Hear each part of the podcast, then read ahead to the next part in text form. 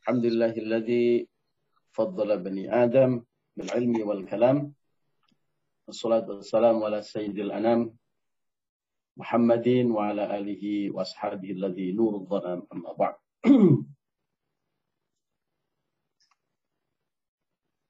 سبحانك لا علم لنا إلا ما علمتنا إنك أنت العليم الحكيم. رب اشرح لي صدري ويسر لي أمري واحلل عقدة من لساني يفقهوا قولي. رب زدني علما وارزقني فهما برحمتك يا أرحم الراحمين.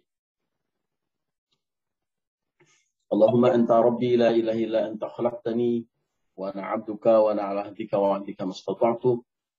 أعوذ بك من شر ما صنعت أبوء لك بنعمتك علي وأبوء بذنبي. فاغفر لي فإنه لا يغفر الذنوب إلا أنت. برضاي الله ولشفاعة رسول الله ولكل نية صالحة ولكل إجابة المسؤول. الفاتحة. أعوذ بالله من الشيطان الرجيم. بسم الله الرحمن الرحيم. الحمد لله رب العالمين. الرحمن الرحيم مالك يوم الدين. إياك نعبد وإياك نستعين. اهدنا الصراط المستقيم صراط الذين أنعمت عليهم غير المغضوب عليهم ولا الضالين آمين Bapak Ibu yang dirahmati Allah, Alhamdulillah pagi hari ini kita bisa berjumpa kembali silaturahmi ngaji bersama. Insya Allah penuh dengan barakah, apalagi ini hari Jumat, hari yang istimewa, Sayyidul Ayyam, ya hari yang menjadi Sayyid, ya yang paling istimewa di antara hari-hari yang lain. Insya Allah barokah silaturahmi dan barokah haji untuk kita semuanya. Allah amin ya rabbal alamin. Kita sudah memasuki surat baru. Bapak Ibu barangkali kemarin ada yang tidak bergabung ngaji karena jadwalnya kemarin memang di luar jadwal seperti biasa. Kita kemarin sudah masuk di surat Al-Kahfi. Ya, beberapa pertemuan yang lalu kita menyelesaikan juz 30. Kita eh, hari ini mulai dari kemarin kita belajar surat Al-Kahfi. Bapak Ibu yang ada di rumah silahkan bisa membuka mushaf, aplikasi. Surat Al-Kahfi ada surat ke-18, ada di juz ke-15. أعوذ بالله من الشيطان الرجيم بسم الله الرحمن الرحيم الحمد لله الذي أنزل على عبده الكتاب ولم يجعل له عوجا قيما لينذر بأسا شديدا من لدنه ويبشر المؤمنين. ويبشر المؤمنين الذين يعملون الصالحات أن لهم أجرا حسنا ماكثين فيه أبدا. وينذر الذين قالوا اتخذ الله ولدا. Mungkin dari dulu karena ini diskusinya agak panjang dan padat ya Ikhwani rahimakumullah. Surat Al-Kahfi diawali dengan kalimat Alhamdulillah. Satu di antara lima surat dalam Al-Quran yang diawali dengan lafaz Alhamdulillah. Mana itu sudah belajar apa makna Alhamdulillah. Jadi hari ini kita lanjutkan. Alhamdulillah kalau dalam bahasa Indonesia itu segala puji bagi Allah tapi sebenarnya maknanya sangat dalam dan ini menjadi kunci kebahagiaan hidup kita. Orang kalau sudah secara ikhlas membaca Alhamdulillah, hatinya sudah mendapatkan saripati makna Alhamdulillah, kala puji bagi Allah, insya Allah hidupnya bahagia. Karena dalam setiap keadaan yang ada selalu nikmat, syukur, menyampaikan pujian kepada Allah. Orang kalau sudah nikmat, syukur, hatinya pasti tentram, pasti nikmatnya akan ditambah. Ya, orang yang hatinya galau, orang yang hatinya selalu eh, apa kalau orang Jawa bilang itu rusuh, kisruh, eh, merasa tidak tentram, merasa nyaman, eh, dapat apa saja selalu kurang, ya, apa saja selalu komplain, iri dan dengki. Itu tanda-tanda orang nggak bisa, alhamdulillah itu, ya. Itu tanda-tanda orang uh, tidak bisa bersyukur atas nikmat Allah. Nah itu pasti hidupnya nggak bahagia, apa pun yang dia miliki, berapapun uh, tingginya jabatan yang dia miliki, ya, berapapun sales force yang dia miliki. ya ya titlenya apa pun, ya berapapun banyak mobil yang dimiliki dan rumah properti yang dimiliki. Tapi kalau hatinya tidak teduh, tidak tentram, tidak bisa bersyukuri apa yang dia terima dan tidak bisa mengucapkan alhamdulillah dari dasar hati yang paling dalam secara ikhlas, maka hidupnya tidak bahagia. Ya, jadi ternyata kunci bahagia ada di sini. Kita udah ngaji kemarin agak panjang lebar, kita agak singkat sekarang. Ya. Nah, ketika kita mengucapkan alhamdulillah segala puji bagi Allah, ya, dalam konteks ayat ini secara spesifik disebutkan ya. Apa sih alasannya kita memuji asma Allah? Meskipun begitu banyak nikmat yang telah diberikan oleh Allah kepada kita, terkadang kita harus merecall, mengingatnya secara spesifik. Di bagian-bagian mana ya kita merasa begitu bersyukur atas nikmat Allah. Nikmat Allah kan begitu banyak ya Bu. Sampai disebutkan wa in Allah la tuhsuha. Jika engkau ingin menghitung nikmat Allah, engkau tidak akan pernah bisa. Ya, Anda punya kalkulator, Anda punya komputer hebat, hitung nikmat Allah. Ya, nggak akan bisa. Karena begitu banyaknya nikmat Allah. Tapi Meskipun nikmat Allah begitu banyak dan gak terhitung, kadang-kadang untuk tafakur, untuk mengekspresikan rasa syukur, ya, kita perlu merecall nikmat-nikmat yang mana. Ya. Sama dengan kalau kita mengucapkan terima kasih. Nah, kalau dalam ilmu komunikasi, mengucapkan terima kasih itu akan jauh lebih baik, akan lebih sempurna, kalau dibarengi dengan mengucapkan apa yang harus dia terima kasihkan. Misalnya, Terima kasih Ibu atas undangan yang telah diberikan. Atas hidangan makan malam yang sangat luar biasa. Atas hadiahnya yang sangat cantik. Atas prestasi dan kontribusinya di week 40. Spesifik, di week 40. Lebih spesifik lebih bagus. Di week 40 hari Sabtu. Wah, itu lebih spesifik lagi. jualan satu hari kok lebih bagus daripada jualan empat lima hari ya bu jualan jualan Sabtu eh, Senin sampai Jumat eh, 13 miliar jualan hari Sabtu saja 15 miliar sopan jadi harus mengucapkan secara spesifik Ibu terima kasih untuk kontribusi dan pencapaian yang luar biasa di hari Sabtu week 40 itu lebih spesifik lebih bagus ya itu itu anu apa namanya ilmu komunikasi populer ya. Jadi jangan cuma sekedar terima kasih. Sebutkan Bu, terima kasihnya karena apa? Ya. Nah demikian juga ketika kita berterima kasih kepada Allah, ya, memuji asma Allah. Ya, kadang-kadang kita harus merecall, ya, memanggil, ya, menyebutkan nikmat apa yang membuat kita begitu bersyukur atas apa yang telah diberikan Allah kepada kita. Ya, uh, minum. Alhamdulillah, Masya Allah, segar sekali ini air putih. Terima kasih ya Allah, Engkau telah menganugerahkan air putih yang begitu segar kepada saya.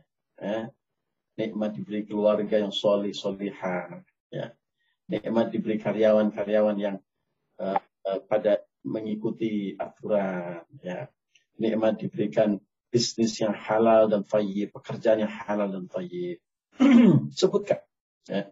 Maka di dalam ayat ini kita diberi contoh. Alhamdulillah segala puji bagi Allah. Alladhi yang. Yang apa? Anzala telah menurunkan. Ala abdihi kepada hambanya. Apa yang diturunkan Alkitab, kitab. Walam yaj'al lahu iwaja. Dan Allah tidak menjadikannya bengkok. Iwaj itu artinya bengkok, ya tidak lurus.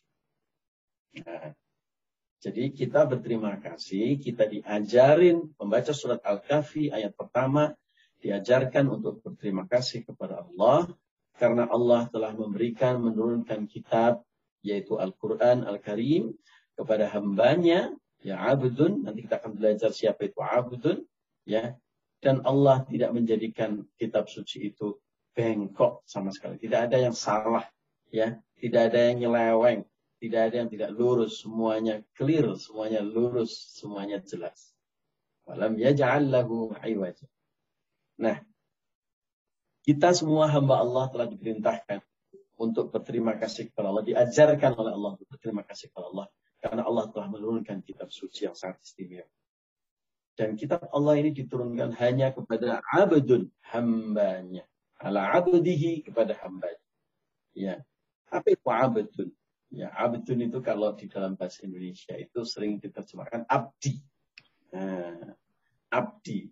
Nah, itu itu sama dengan abdi. Memang diambil abd ya itu adalah hamba ya apa itu hamba kalau kita menyebut hamba itu pasti ada tuan.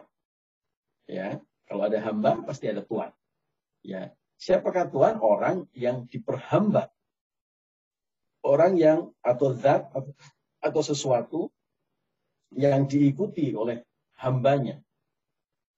Untuk bisa disebut dengan hamba ada syarat-syarat Bapak Ibu. Ya, tidak sembarang orang disebut dengan hamba.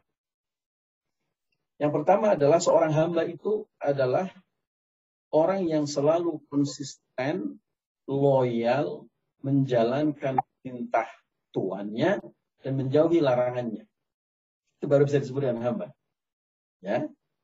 Nah, bayangkan kalau kita punya hamba, hamba ini oh, lebih rendah levelnya daripada bukan lebih rendah ya, lebih ekstrim levelnya daripada pembantu, ya daripada staff, daripada karyawan. Ya. Bayangkan kalau kita punya karyawan, punya staff, ya punya pembantu, punya asisten, dia nggak mau menjalankan perintah kita, dan malah mengerjakan apa yang kita larang. Hmm. Gimana perasaan kita kira-kira? Pecat nggak kira-kira? Punya karyawan susah-susah bayar, susah-susah mendidik, bukannya membantu kita, tidak mau malah dia tidak mau menjalankan perintah kita, malah mengerjakan apa yang kita larang. Ya, hey, kamu nggak boleh melayani customer kita dengan eh, cara-cara uh, yang tidak sopan, ya, uh, dengan tidak ramah, nggak boleh. Malah dia setiap kali melayani customer, ya, melayaninya dengan uh, tidak sopan. Ya kamu tidak boleh makan uang perusahaan. Hmm.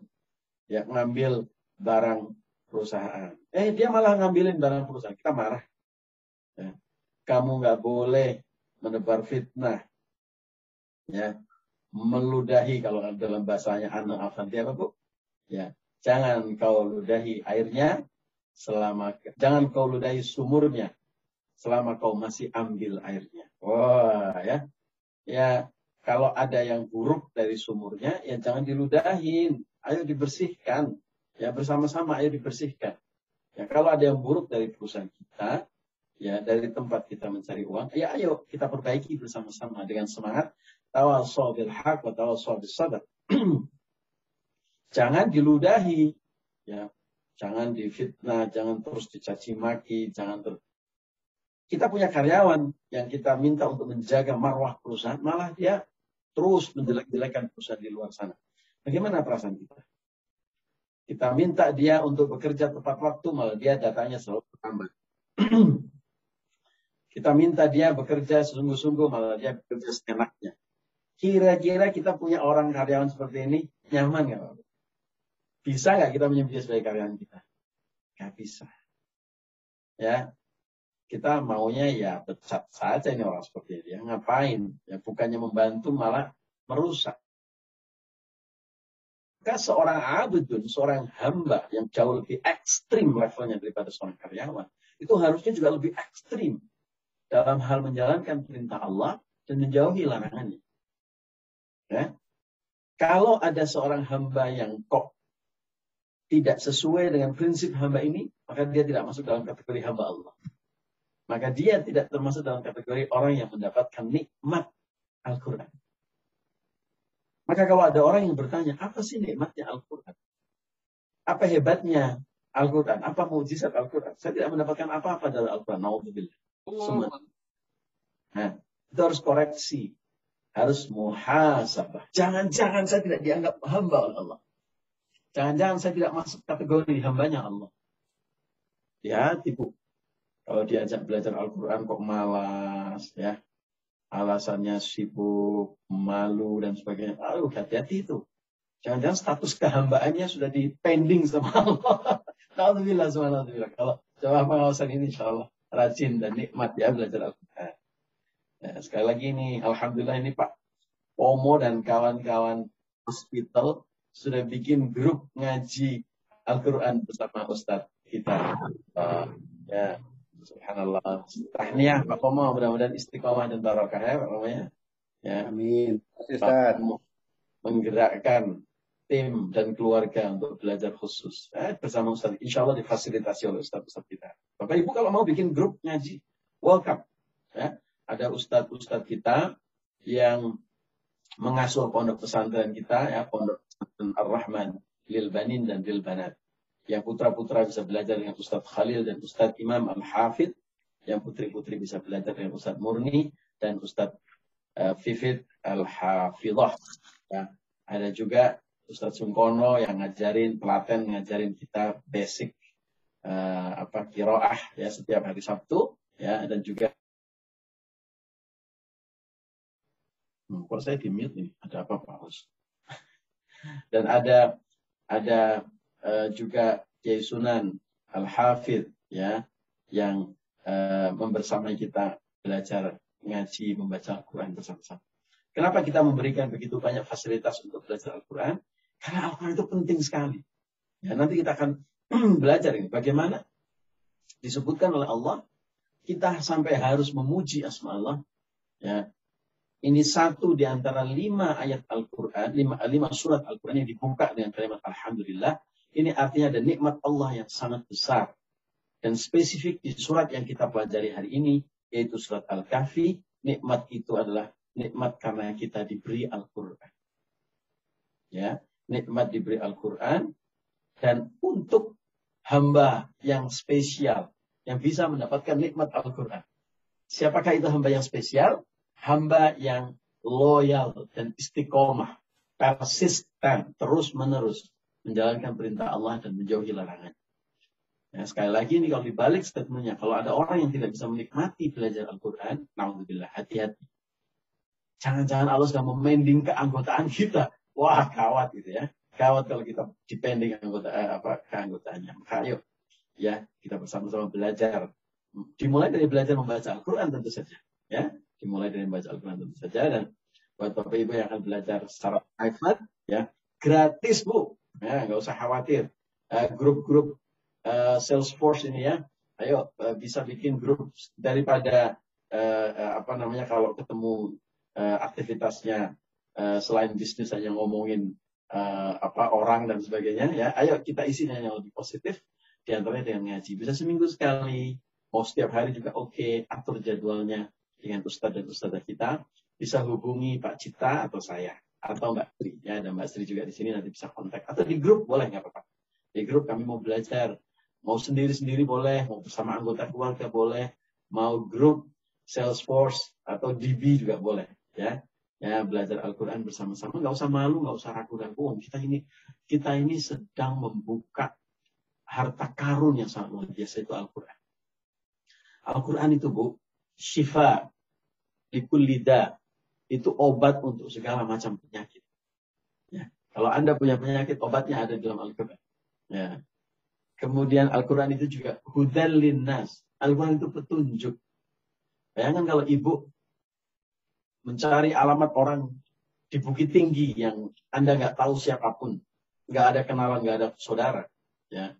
Rumahnya di suatu nagari di Bukit Tinggi, ya. Bagaimana Anda bisa menemukan tempat itu, rumah itu, Anda tidak mengandalkan map? Ya, kemarin kita nyari kantor distributor, kita juga harus pakai map. Ya, harus pakai peta. Ya. Petunjuk. Peta itu apa sih? Petunjuk. Kalau saya tidak punya peta itu, berapa lama saya akan ketemu rumah atau kantornya Pak Bobi, PT Triarga di Bukit Ya. Kalau Anda mencari alamat, nggak mencari apalagi di Jakarta ya, yang jalannya tingklek keni, Anda nyasar-nyasar. Berapa lama Anda akan ketemu? Ya, ke Poro malah tidak bisa ketemu. Nah, karena tidak punya peta. Nah, Al-Quran itu peta hidup kita di dunia. Kalau kita tidak pegang peta itu, bisa nyasar. Ya, Wah, kasihan kalau hidup sekali kok nyasar. Kanan kiri, kanan kiri, nggak ketemu-ketemu tujuan. Nah, itu itu lebih. Ya, salah satu, dua di antara keistimewaan Al-Quran. Ya, sebagai obat dan sebagai petunjuk. Masa kita nggak mau dikasih harta karun seperti itu? Ya, mari kita mari kita ambil harta karun itu. Ya, tentu diawali dengan belajar ngaji. Aduh, saya sudah tua, Pak. Masa harus belajar ikro lagi? Private. Belajar sendiri, nggak ada yang tahu. Ya, yang tahu hanya malaikat sama guru ngajinya, nggak apa-apa. Ya. ya bisa private. Ya, kurang apa coba? Ayo, sudah difasilitasi sedemikian rupa ya Bapak Ibu ya. ya share ke para Salesforce dan keluarga Anda. Ayo belajar Al-Quran ya bersama para ustadz dan ustadzah ya. Insya Allah kita akan mendapatkan harta karun kunci kebahagiaan dunia dan akhirat. nah, kemudian yang kedua Dua, kalau orang mau disebut hamba atau sesuatu mau disebut hamba, itu selain yang pertama adalah syarat yang menjalankan perintah dan memberi larangan, dia juga harus sadar betul bahwa apa yang ada di depan dia, fasilitas yang dia miliki, itu hakikatnya itu bukan milik dia, tapi milik tuannya. Betul nggak, Bu? Ya. Ada asisten rumah tangga bekerja di suatu rumah. dia difasilitasi ada sepeda motor, ada setrika, ada ada kulkas, ya, ada mesin cuci. Boleh nggak kalau diakuin itu miliknya? Gak boleh. Itu milik tuannya. Itu cuma fasilitas kerja dia. Ya, itu cuma fasilitas yang diberikan kepada dia selama dia menghamba menjadi asisten di rumah itu. Logik nggak Bapak Ibu? Masuk akal? Masuk akal ya kira-kira? Ya. Yang masuk akal ketik satu. Atau ketik ulun. Ini promo nama saya. Ya. Jadi kalau orang merasa bahwa apa yang uh, alat kerja dan fasilitas yang dia miliki itu menjadi milik dia, ya pasti dipecat ya nanti. Ngaku-ngakuin milik. Demikianlah kita menjadi hamba Allah kita harus sadar betul, kita harus imani betul bahwa Ibu Rustiana langsung ketik satu ya. Apa yang kita miliki saat ini sesungguhnya bukan milik kita. Mobil kita, perusahaan kita, bisnis kita, rumah kita, anak-anak kita, pasangan kita. Dunia yang kita miliki saat ini. Itu harus kita yakini betul itu bukan milik kita itu. Maka ajarannya Umar bin Khattab adalah ambil harta sebanyak-banyaknya, pegang di tangan Anda, jangan masukkan ke dalam hati Anda. Cukup di tangan aja. Kalau di tangan itu kan ya kalau pas pergi ya pergi saja. Santai aja. Ya. Jadi kalau Anda suatu hari uh, uh, apa uh, kok tidak menggenggam nikmat ya ya biasa saja itu bukan milik kita. Atau suatu hari diambil nikmatnya oleh Allah ya itu karena milik Allah. Maka kalimat istirja kita adalah inna lillahi wa inna ilaihi raji'un. Inna lillahi sesungguhnya semua ini milik Allah. Keluarga kita milik Allah. Harta kita milik Allah. Kesehatan kita milik Allah. Wa inna ilaihi raji'un. Dan sesungguhnya semuanya itu ilahi kepadanya kepada Allah rojion akan kembali. Bapak Ibu kalau istirja, hati-hati ya. Kalau jamaah pengawasan insya Allah benar semua. Kalau yang nggak pernah ngaji juga salah. inna lillahi wa inna lillahi rojiun. Nah, inna lillahinya betul di depan. Tapi yang di belakang bukan inna lillahi lagi. Inna lillahi wa inna ilaihi rojiun. Yang di belakang jadi ilaihi. Ya, Inna lillahi sesungguhnya semua milik Allah. Wa inna ilaihi. Dan sesungguhnya semuanya ilaihi kepada Allah. Apa yang kepada Allah rajiun kembali. Kalau kita punya mobil, kita jaga, kita rawat, kita cari uang untuk mendapatkan mobil dengan susah payah. Kemudian suatu hari rusak, kemudian suatu hari hilang, ya. Inna lillahi wa inna ilahi raji'un. Semua milik Allah. Ya. Kalau kita menang tender sudah di depan mata, ya. Kemudian tiba-tiba gagal, tiba-tiba nggak jadi proyeknya atau tiba-tiba diserobot oleh orang lain, inna lillahi wa inna ilahi raji'un. Kita punya member, kita punya consultant, kita punya tim diserobot oleh orang lain, ya. Inna lillahi wa inna ilahi raji'un. Enak jadi orang yang beriman, ya. Gak perlu marah-marah, gak perlu sakit hati, gak perlu bludrek, gak perlu sakit, ya. Gak perlu vertigo, ya. Karena hilang inna lillahi wa inna ringan saja ya inna lillahi wa inna ilaihi raji'un nikmat ya nikmat meskipun dia awalnya tuh wah sakit hati bu wajar manusia itu sakit hati nanti lama-lama kalau sudah lebih sering ngaji dan lebih sering apa namanya uh, uh, belajar ya insya Allah lama-lama menjadi ikhlas ya biasa dong dunia ya dunia ya dunia itu ya ya semuanya milik Allah ya dan karena semua milik Allah maka semua akan kembali kepada Allah maka ada orang-orang yang kehilangan orang-orang tercintanya. Itu tetap tabah. Ya. Meskipun sangat kehilangan. Ada istri kehilangan suaminya, ada suami kehilangan istrinya, atau kehilangan anaknya, atau kehilangan orang tuanya. Ya. Itu betapa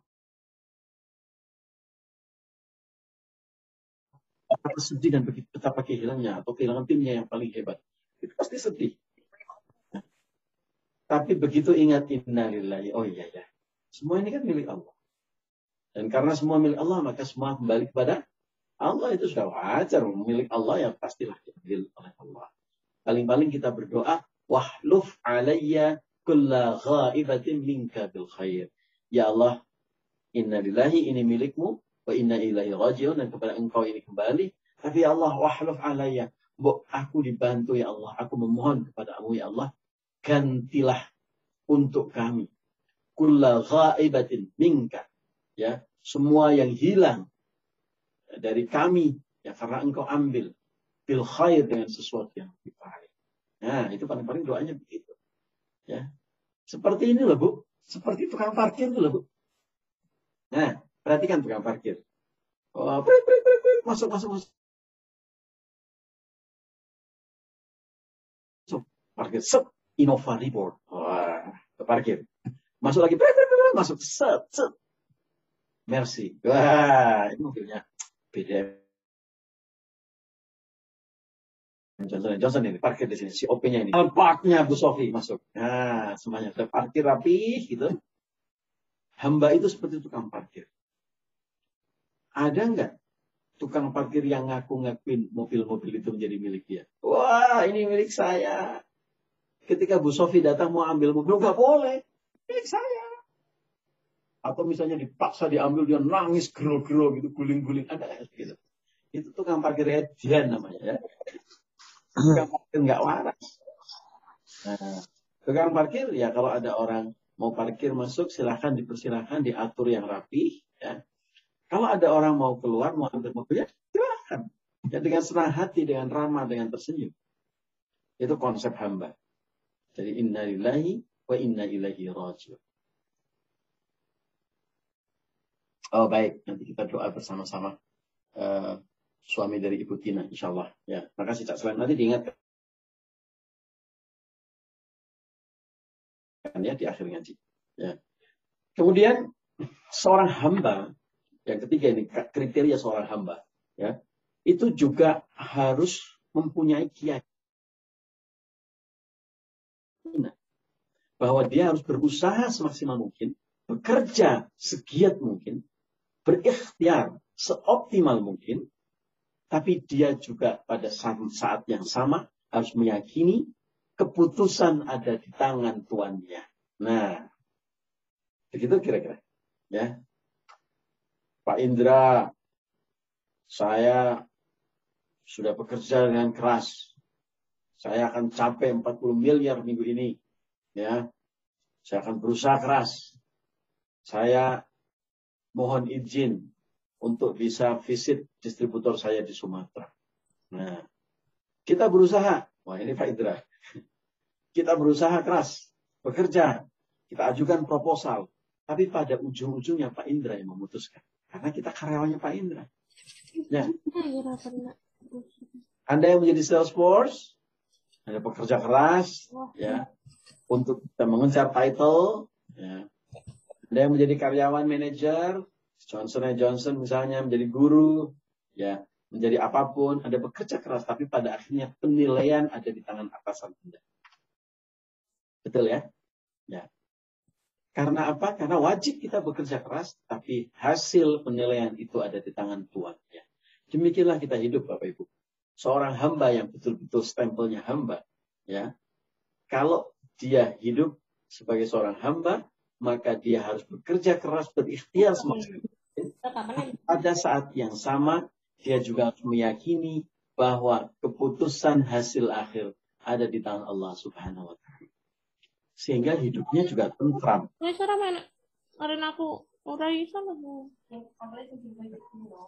Hidupnya juga tentram karena apa? Tidak ngoyo, tidak tidak punya ekspektasi yang sangat berlebihan. Mau diserahkan sama Allah saja. Biar Allah yang memutuskan. Kita tugasnya bekerja, kita tugasnya beramal, ya hasil akhir ada di tangan Allah. Tapi juga nggak boleh dikit-dikit ya udahlah terserah Allah, dikit-dikit terserah Allah. Kita nggak, kitanya nggak bekerja nggak boleh, ya kita harus bekerja keras, kita harus berusaha maksimal. Itulah hamba, ya. Tapi pada saat yang sama juga harus meyakini bahwa hasil akhir nanti keputusan ada di tangan Allah Subhanahu wa taala. Nah, ini kita belajar hamba saja sudah sampai jam 6 seperempat. Oke. Kita tambah sedikit ya, mungkin barang 5 menitan ke depan. Dalam kalimat selanjutnya adalah, jadi ini kriteria hamba-hamba yang akan mendapatkan nikmat Allah berupa Al-Quran. Ya, kalau kalau tiga hal ini terpenuhi, insya Allah kita akan mendapatkan manisnya ayat-ayat Al-Quran. Nah, walam yaj'allahu iwaja dan Allah tidak pernah membuat ya Al-Quran itu bengkok. Iwaja itu artinya tidak lurus, bengkok. Ya. Di dalam ayat berikutnya diawali dengan satu kalimat yang biasanya nanti dibaca dengan saktah atau diam sebentar karena menjelaskan ayat sebelumnya qayyimah. Ya, jadi kalimat qayyimah itu adalah kalimat menjelaskan yang wajah. Maksudnya apa tidak bengkok? Maksudnya qayyimah lurus. Ya, qayyim itu berdiri tegak lurus. Artinya apa? Sempurna. Al-Quran itu sempurna Bapak Sempurna redaksinya, sempurna kalimatnya, sempurna ayat-ayatnya, dan juga sempurna kandungan maknanya. Ya ini yang kita pelajari ini baca Quran itu cuma sedikit ya debu ya, ya dari yang terkandung dalam makna Al-Quran. Maka orang-orang alim itu, sealim apa pun mereka, itu senang sekali membaca, bertafakur, bertadabur Al-Quran. Bukan, oh surat Al-Kahfi sudah pernah ngaji saya dulu. sudah pernah lihat YouTube-nya saya. Kan begitu. Karena ini halawah, ini manisnya Al-Quran. Sebagai mana Anda suka dengan es krim misalnya, anda nggak pernah mengatakan, saya sudah pernah makan kok es krim itu hari Jumat yang lalu. Nggak pernah. Ya, Kita pasti selalu makan dan makan lagi. Karena ini hobi kita, ini kesukaan kita. Ya, karena kita menik, merasakan nikmatnya es krim. Ya. Sama dengan Al-Quran. Karena kita merasakan nikmatnya Al-Quran, halawah ini nggak habis habis dibaca terus. Makanya salah satu filosofi dari Al-Quran adalah terus menerus. Kita sudah pernah belajar itu. Ya, oleh karena itu digambarkan di uh, apa ditunjukkan ya salah satu bentuk filosofi Al-Qur'an yang harus kita baca terus-menerus adalah kalau para hafid hafidah para uh, para hamil Quran, para uh, penghafal Al-Qur'an itu kalau sudah hataman Al-Qur'an semaan dari juz 1 surat Fatihah sampai juz 30 surat An-Nas selesai baca surat An-Nas ilahin nas ya malikin nas uh, apa uh, ayat terakhir apa? Minsyaril waswas minal jinnati wan nas. Begitu selesai minal jinnati wan nas, tidak langsung selesai sadaqallahul azim. Tidak. Baca lagi surat Fatihah. ya. Baca lagi surat surat Fatihah. Kemudian disambung lagi dengan surat Al-Baqarah ya di awal ya. Ini orang-orang yang belum tahu kebiasaannya udah udah udah galau ini udah dredeg ini udah uh, nyimak sampai juz 30 aja udah lama gitu ya nggak selesai-selesai kok ini dibaca dari awal lagi ini jangan-jangan dibaca dari uh, dari dari juz satu lagi ini ya. Rupanya itu adalah simbol yang dibaca tidak satu juz lagi tapi surat Fatihah awal surat Baqarah dan akhir surat Baqarah. Lalu selesai. Nah itu untuk tanda bahwa membaca Al-Quran itu harus terus menerus orang yang merasakan nikmatnya Al-Quran, orang yang merasakan Al-Quran itu penuh dengan uh, konten yang sangat dahsyat, tidak pernah mau berhenti membaca Al-Quran. Ya, terus menerus membaca Al-Quran. Kalau masih ada orang yang berat membaca Al-Quran, nah itu harus hati-hati. Mau dikasih halawah, dikasih manisan, dikasih sesuatu yang nikmat, dikasih obat kok berat. Nah, itu itu jadi apa namanya kita harus kembali ke kriteria hamba yang ada tiga tadi. Apakah aku sudah menjadi hamba yang ada tiga ini ya atau saya sudah lepas aku dipending keanggotanya oleh Allah Subhanahu wa taala. Nauzubillah Insya Allah Bapak Ibu, mudah-mudahan kita selalu menjadi hamba Allah ya yang mendapatkan uh, stempel yang mendapatkan uh, apa namanya pengakuan dari Allah sebagai seorang hamba sehingga kita bisa merasakan nikmatnya Al-Quran. Sehingga kita bisa merasakan dahsyatnya Al-Quran Al-Karim. Demikian Bapak Ibu ngaji kita pagi hari ini baru dapat satu ayat ya mohon maaf Bapak Ibu mudah-mudahan yang sederhana dan juga singkat ini uh, bisa memberikan manfaat dan barokah untuk kita semua. Allahumma amin ya rabbal alamin. Saya berpamitan dengan teman-teman yang ada di Facebook kita melanjutkan sebentar diskusi dengan teman-teman yang ada di jalur Zoom. Allahul muwafiq bila kami tarik. Wa'afu minkum.